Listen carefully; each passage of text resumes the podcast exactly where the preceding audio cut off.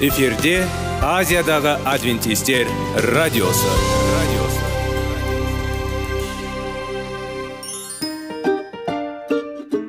сәлем достар. Денсаулық өмір бұлағы және біздің бірінші байлығымыз демекші денсаулық сағаты рубрикасына қош келдіңіздер. Біздің рубрикада біз әртүрлі факторларменен мәліметтерменен кеңестерменен бөлісіп шын жүректен сіздердің дендеріңіз сау болғанын қалаймыз.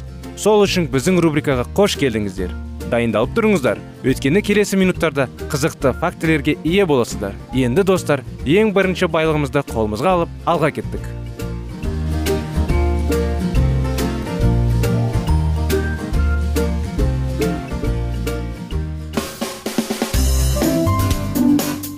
Денсаулық туралы хабар. Денсаулықтың ашылуы. Күн сайын сөз үшін күшті кеңестер соңғы жаңалықтар қызықты факторлар. Біздің рубрикада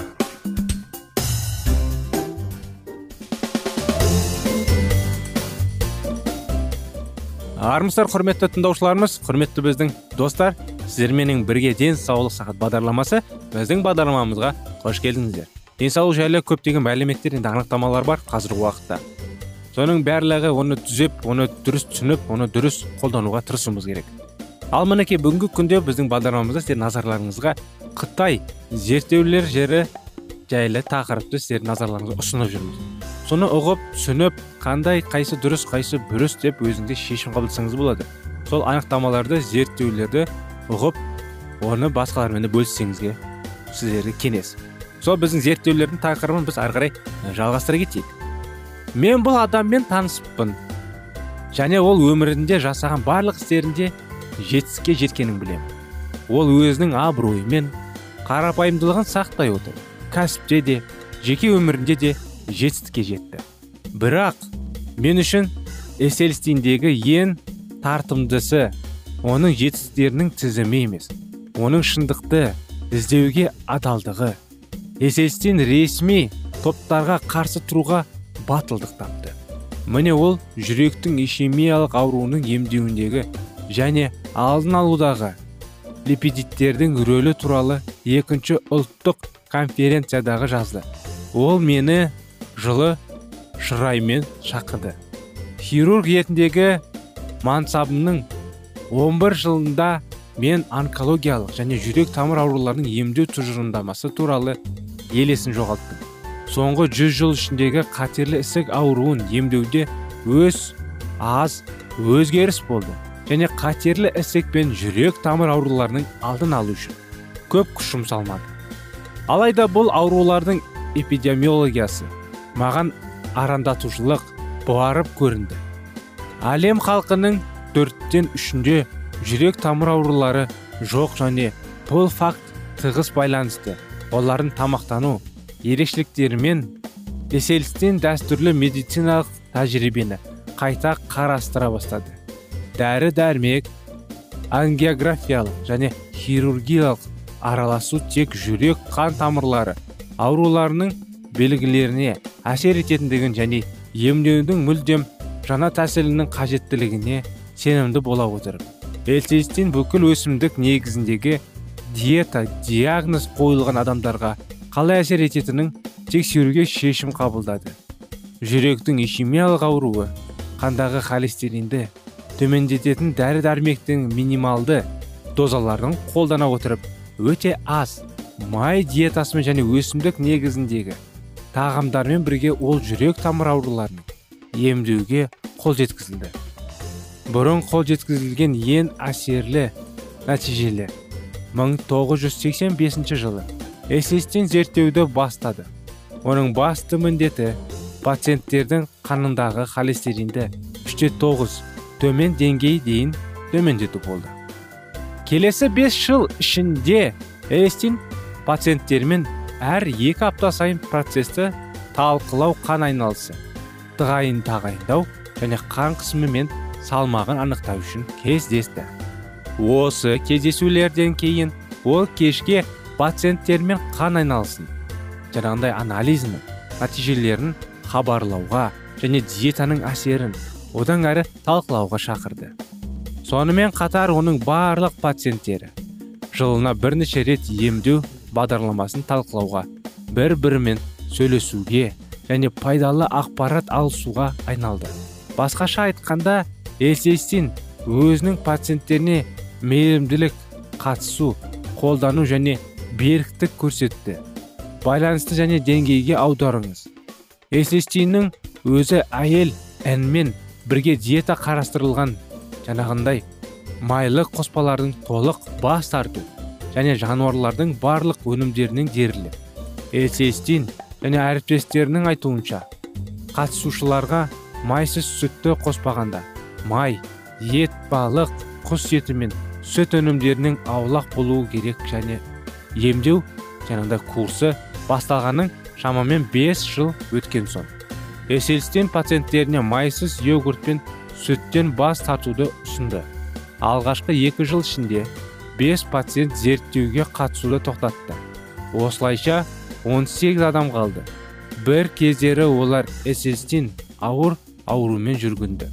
Зерттеуге дейінгі 8 жыл ішінде бұл 18 адам жүректің ишемиялық ауруымен байланысты 49 оқиғаға бастан өткерді. Оның ішінде синокардия айналып өту операциялары миокард инфарктісі инсульт және ангиопластика. Олардың жүректерін сау деп атауға болмайды. Олардың сынағын ерте өлімнің жақындағы түсіндіруге дүрбелең болды. Бұл 18 пациент керемет нәтижелерге қол жеткізді. Олардың ортасын зерттеудің басына бағдарламаға барысында ол үште төрт тең болды. Бұл жоспарланған үште тоғыз әлде қайда төмен қырық үштен әрине ғой. Деңгейі жаман. Холестерин де айтарлықтай төмендеді. Бірақ ең көректік нәтиже қандағы холестерин деңгейінің төмендеу емес зерттеу басталғаның бәрі. Пациенттерінде жүректің ишемиялық ауруымен байланысты қанша оқиға болды? Келесі 11 жыл ішінде диетаны ұсынған 18 пациенттің береуі ғана осындай оқиғадан аман қалды. Бұл науқас екі жыл бойы диетаны тоқтатты. Осындан кейін ол клиникалық кеуде аурусының стенокардия өзіне бастады. Содан кейін өсімдік негізіндегі пайдалы диетаға оралды. Бұл адам стенокардиядан құтылады де. Және одан әрі жүрек тамыр жүйесімен байланысты қиындықтарды бастан кешірмеді. Бұл адамдардан аурудың дамуы тоқтап қана қоймай кері бұрылды. Осындай анықтама осындай зерттеулер жайлы сіздерге мәлімет құрметті достар. Бізбен бірге болғандарыңызға рахмет. Жалғасы келесі бағдарламада болады. Келесі жолға дейін сау болыңыздар.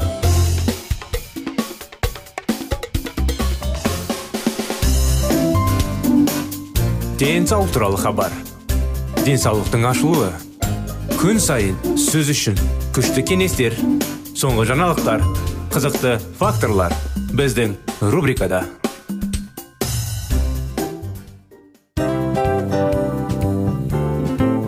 Әуелі байлық денсаулық екінші байлық он саулық үшінші байлық ақ жаулық. Ал енді осындай радио парақшадан кейін не дейміз? Барлықтарыңызға денсаулықтарыңыз зор болсын деп тілейміз. Денсаулықтың өзгеруі кішкентай нәрселерден басталады. Осымен біз берген кеңестер мен мәліметтер шын жүректен сіздер үшін қандай да бір болсын жәрдем берді деп үміттенеміз. Тыңдаушыларымызбен келесі радио парақшасына дейін қоштассамыз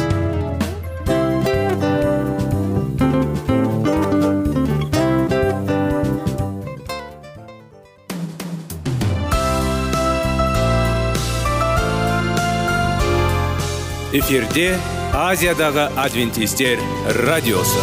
Радиосы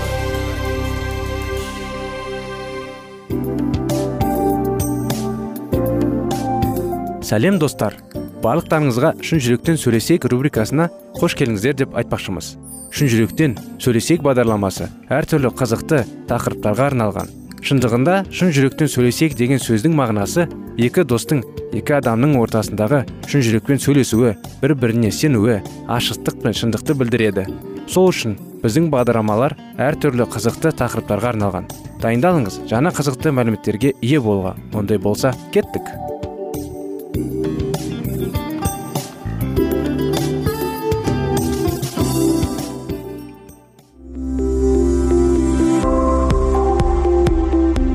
Алтын сөздер. Сырласу қарым қатынас жайлы кеңестер мен қызықты тақырыптар. Шын жүректен сөйлесейік рубрикасында.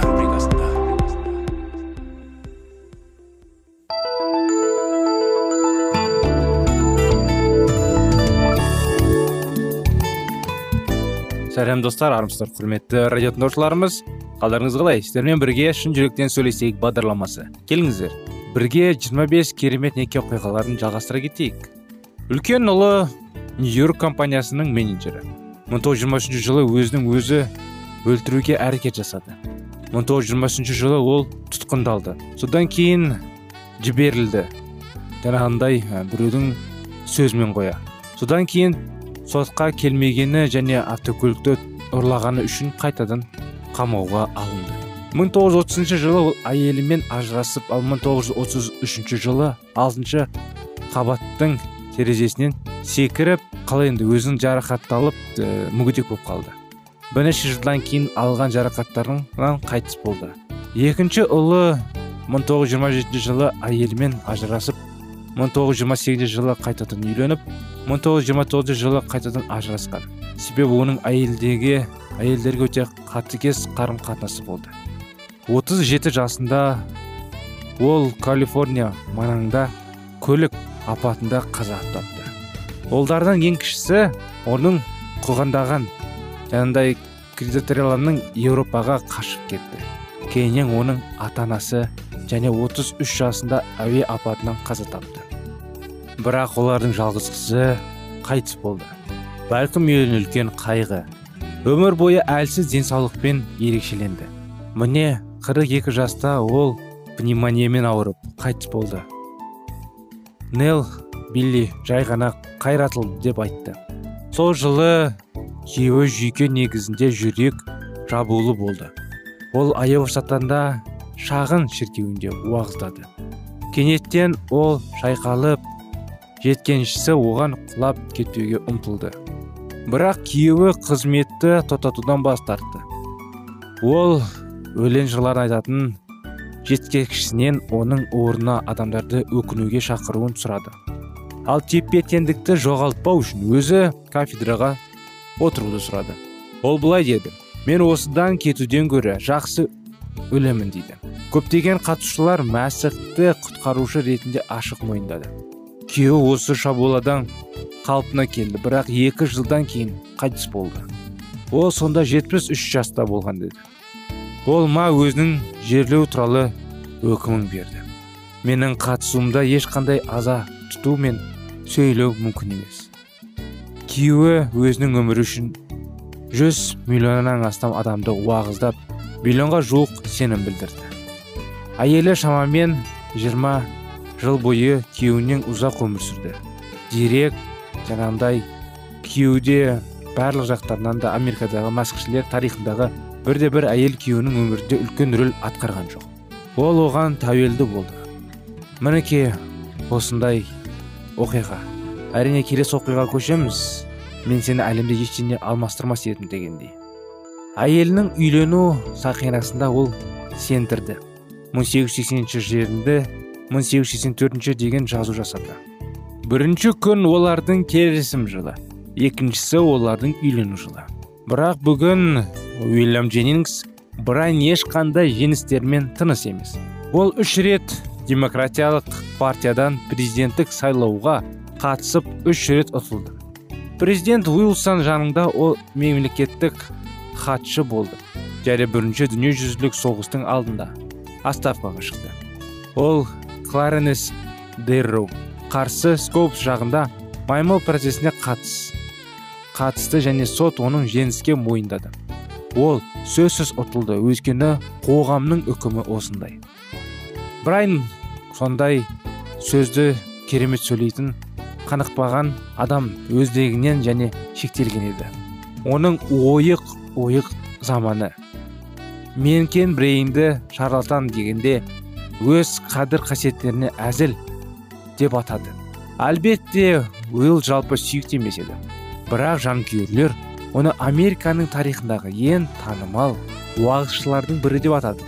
Ол оның әйелі мэри ма? Бұл жеңгеннен гөрі әлде қайда көп ұтылған саясаткердің әйелі болу және оның өз партиясы оны мойындады. Мэри әрқашан оның бұрышында болды. Кәсіпқой боксшының бапкері ретінде оны жігерлендіріп келесі раундта қалай әрекет ету керектігін туралы кеңестер берді және оның жараларын өңдеді. Мэри оны саясатта қатыгезді және дінде консервативті ретінде қабылдады. Адамдардың көпшілігі осы адамды түсіну қиын болды. Бірақ мэри әрине бұл көпшіліктің құрамында болмады. Ол оны жақсы түсінді. Олардың кім болғанына көмектесті. Және олар бірге колледжде оқыған кезде олардың арасында пайда болған романтикалық сүйіспеншілікті сақтауға тырысты.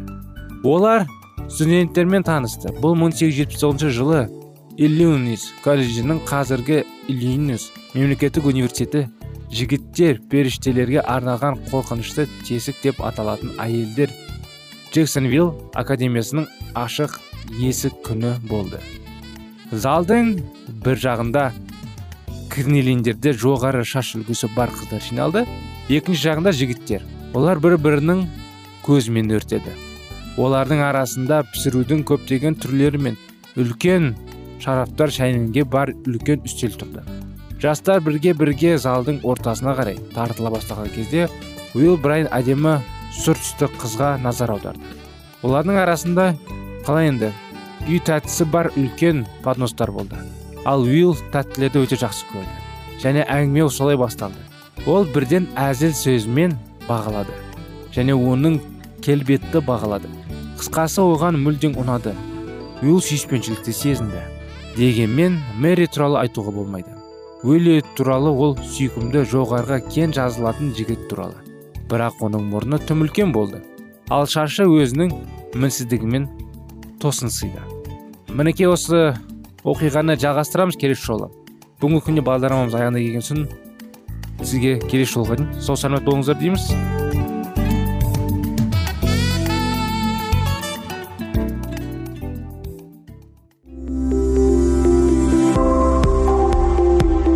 Алтын сөздер.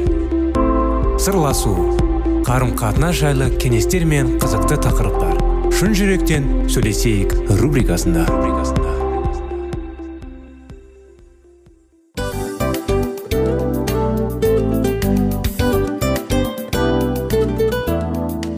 Құрметті достар барлық ең соңғы кеңестер аяқталған соң біздің программамыз соңына келіп қалды. Осы біздің мәліметтер осы рубрикада айтылған әрбір сөздер сіздерге өзінің қандай да бір пайдасын алып келді деп шын жүректен сенеміз.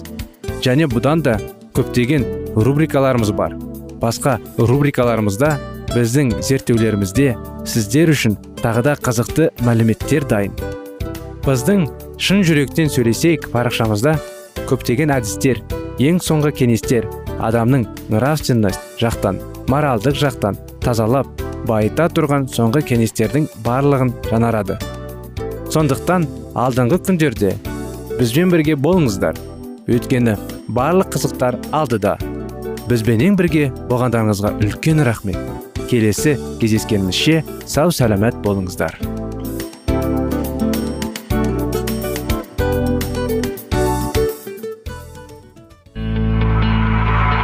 Дүниеңді байытқан жүрегіңді жаңғыртқан өмірдің мағынасын ойландырған рухани жаңғыру рубрикасы.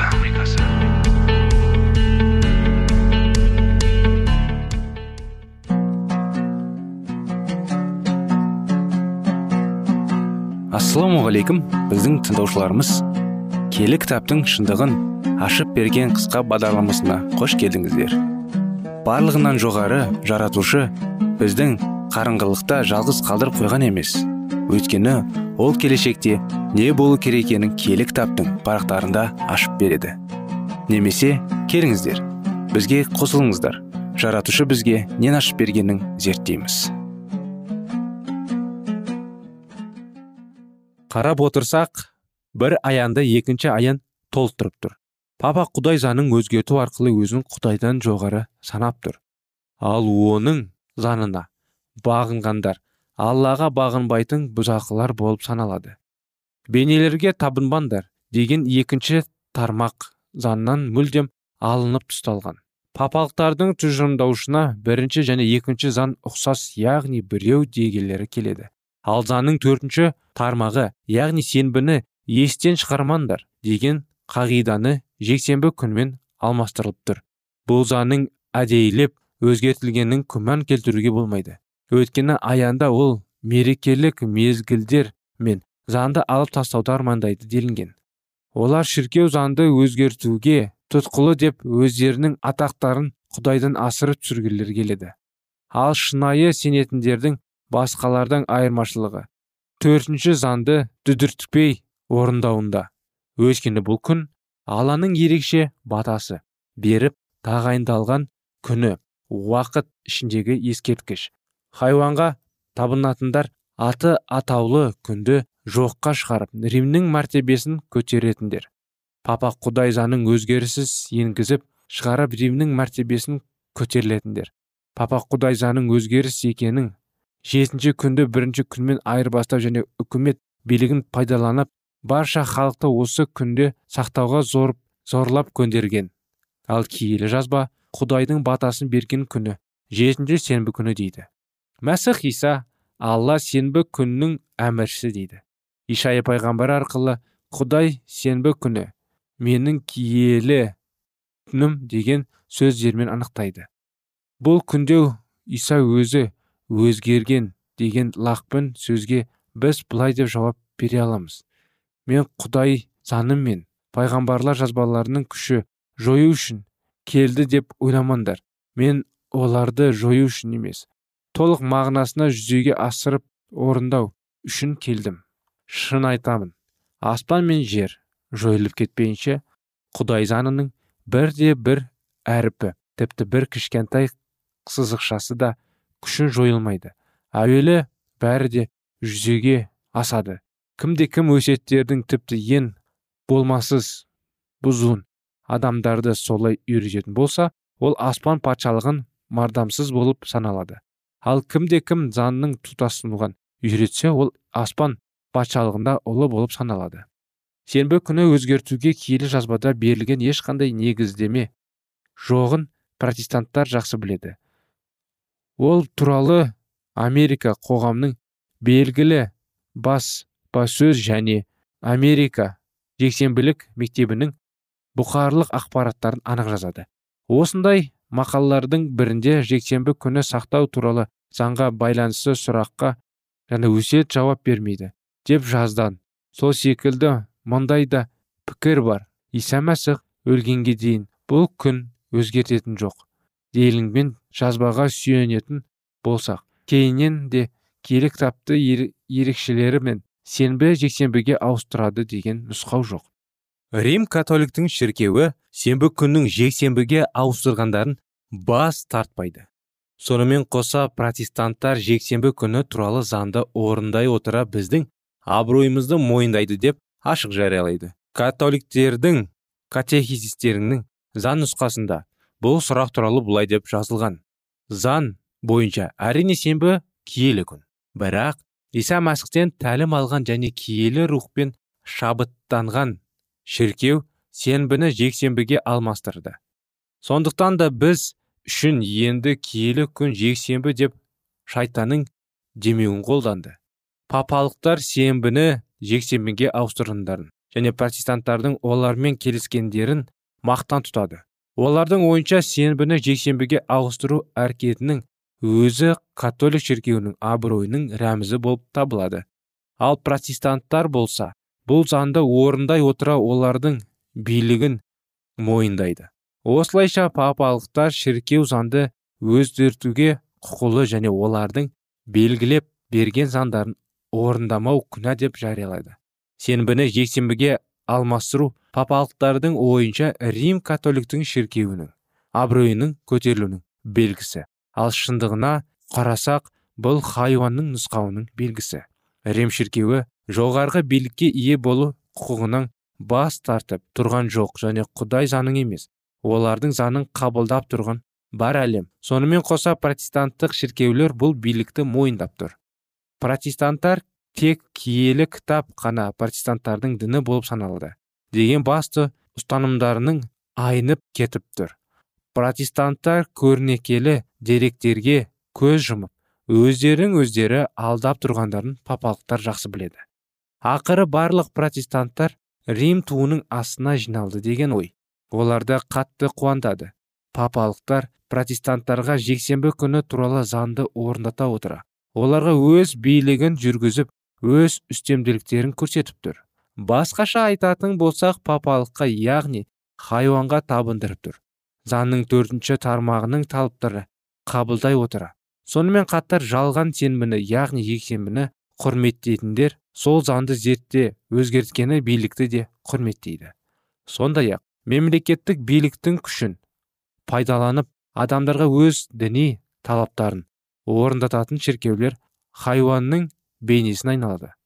Ендеше ақшта сенбінің орнына жексенбі тыныштық күні деп ресми түрде жарияланып сол заңды орындау барлығының ерікті немесе еріксіз талап етілгенде олар хайуанға және оның белгісіне табынды деп айта беруге болады. Бұрында қазірде жексенбі құдайдың тағайындаған сенбісі деп шынайы адасып жүргендер қай шіркеуде болса да аз емес. Сондықтан да құдай олардың шынайы қызметін қабыл алды. Бірақ жексенбілік заң шығып оны міндетті түрде сақтау талап етілгенде және сенбі күні жайлы ақиқат ашылғанда римнің бекіткен заңын орындап құдай заңын бұзғандар папалықты құдайдан артық қастерлейтіндердің көрсетеді. Бұлар хайуан мен оның бейнесіне табынатындар. Осы қалаулы шыққаннан кейін адамзат баласы екі топқа бөлінеді. Бірі құдайдың заңын мойындап аллаға табынатындар екіншілер папаның адамның заңын орындап хайуанға табынатындар. Үшінші періштенің хабары осы жайлы болып тұр. Бұл маңызды сұраққа қатысты адамдар түсініксіз қалмаулары керек.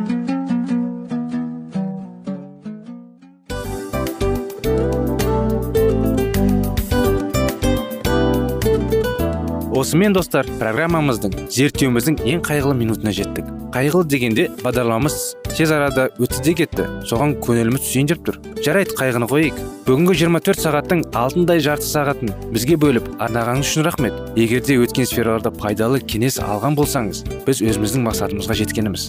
Тыңдаушыларымызбен қоштасу уақыты келді. Келесі кездесулерді сағынышпен күтеміз. Жарты сағатты кездесуіміз көз ашып шапқанша дем арасында өтіп кетті. Бірақ бізде жақсы хабар бар. Келесі зерттеулерімізде сөзсіз кездесеміз. Өйткені көптеген сюрприздер қызықты мәліметтерді және керекті нәрселерді көбін дайындадық. Бүгінгі күндеріңіз өзгеше позитивті болсын. Жақындарыңыз аман есен болсын деп тілейміз. Жаратқан ие барлықтарыңызға батасын берсін. Істеген істеріңіз игілікті болсын. Келесі кездескенше сау саламат болыңыздар. Достар біздің бағдарлама бойынша сұрақтарыңыз болса әрине сіздерге керекті анықтама керек болса біздің whatsapp нөмірімізге хабарлассаңыздар болады. Плюс бір үш жүз бір жеті жүз алпыс алпыс жетпіс. Иә достар сіздер қателеспедіңіздер бұл біздің номерлерге ұқсас болмаса да бұл whatsapp номер арнайы. Хабарласыңыздар сұрақтарыңызды қойып тұрыңыздар. Анықтаманы алып тұрыңыздар. Плюс бір үш жүз бір жеті жүз алпыс алпыс жетпіс whatsapp номері